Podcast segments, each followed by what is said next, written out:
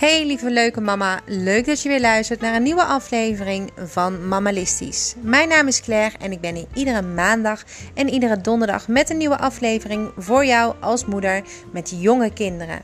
Ben jij net als ik praktisch ingesteld en altijd op zoek naar praktische tips, dan is het mamalisme en mijn bedrijf Mamalistisch echt iets voor jou. Luister snel verder voor de tips die ik vandaag voor je heb.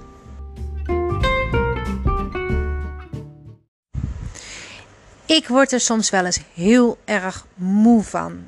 Echt van die, van die dagen waarop je denkt: hoe kan het? Dan doe je van die dingen waar je helemaal niet achter staat. Dan ben je bezig met dingen waar je, waar je gewoon helemaal geen zin in hebt.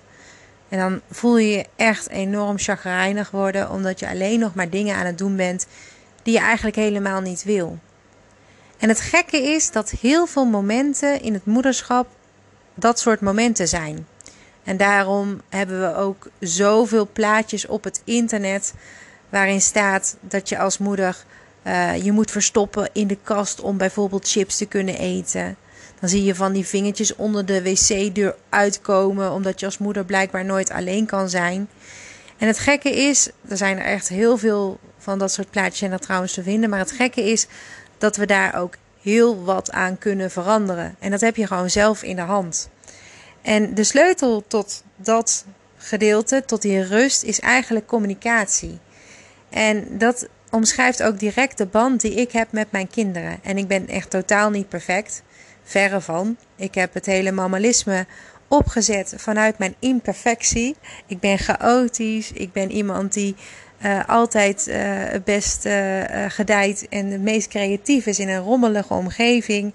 Waarna ik alles weer helemaal uh, uitzoek en zorg dat het allemaal te vinden is in huis. En daarom is mammalistisch en het, en het hele idee van het mammalisme voor mij echt een perfect iets, omdat het mij heel erg helpt om mijzelf en mijn gezin structuur te geven.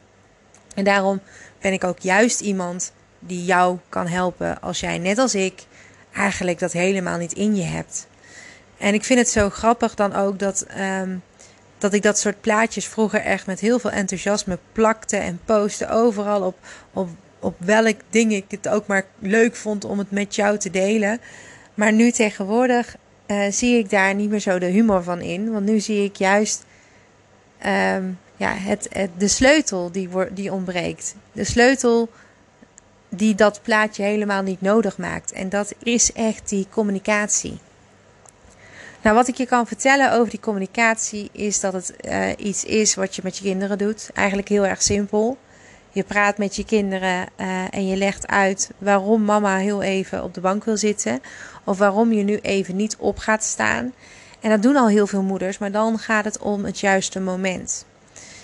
Ik heb een uh, soort van dagindeling waarin ik mijn kinderen ehm, steeds opnieuw die aandacht geef.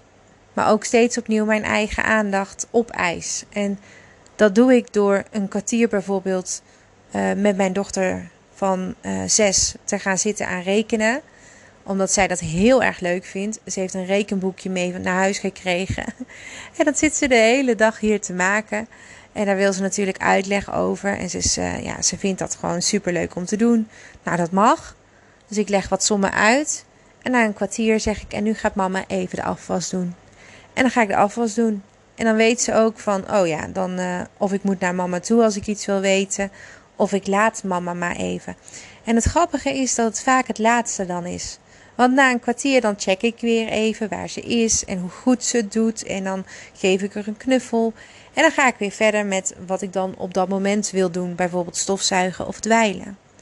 En zo bestaat mijn hele dag uit dat soort momentjes. En dat doe ik met haar en dat doe ik ook met mijn oudste dochter. Als zij eventjes geen aandacht nodig heeft, uh, dan ga ik naar de oudste. En ook zij weet dan, oh mama gaat even stofzuigen. Oké, prima mam.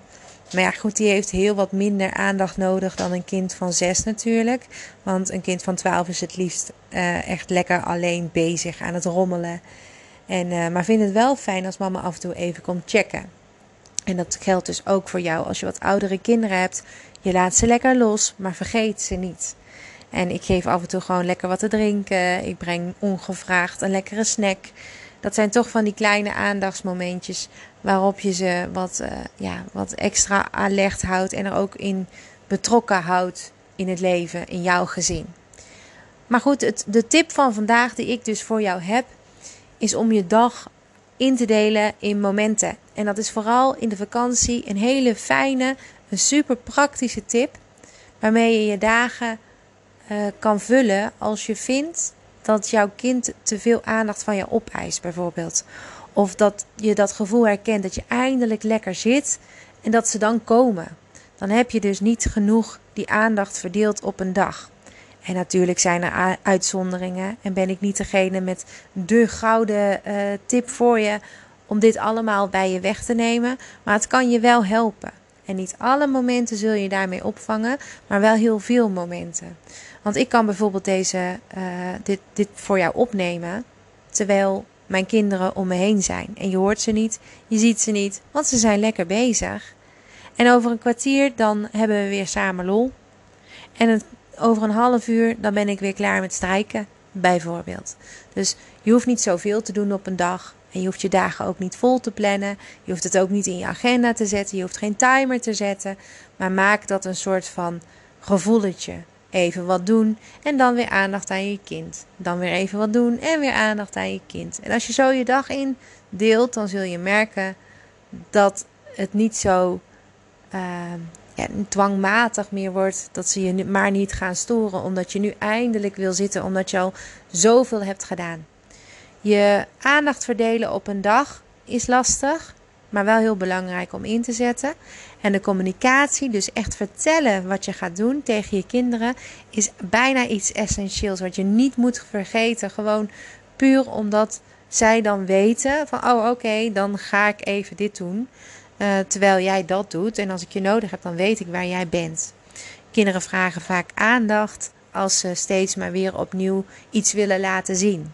Of steeds maar weer opnieuw vragen om iets terwijl je net gaat zitten. Juist dan denken ze: hey, mama is even niet bezig, dus nu kan ik. Terwijl jij denkt: jeetje, ik ben heel te bezig geweest, laat me. Maar dat is een ander beeld dan wat jouw kind heeft. Dus als jij communiceert en vertelt: ik ga nou even de afwas doen en daarna ben ik weer bij jou. Of ik ga even de afwas doen, als je iets wil weten, ben ik hier.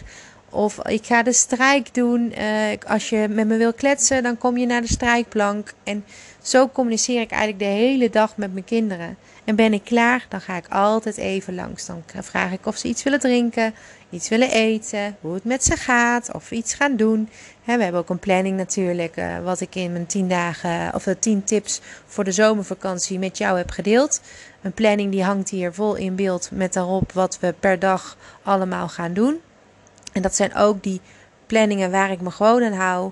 En die 15 minuten uh, aandacht, die hou ik daar gewoon ook in beeld in, zeg maar.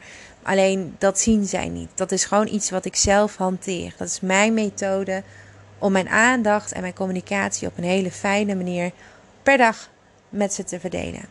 En ook zo op die manier mijn eigen aandacht, dus de aandacht voor mijzelf, ook te krijgen op een dag. Ik hoop dat je iets aan mijn tip hebt en ik, uh, ik wens je een hele fijne maandag toe. Tot uh, donderdag, dan hoor je mij weer.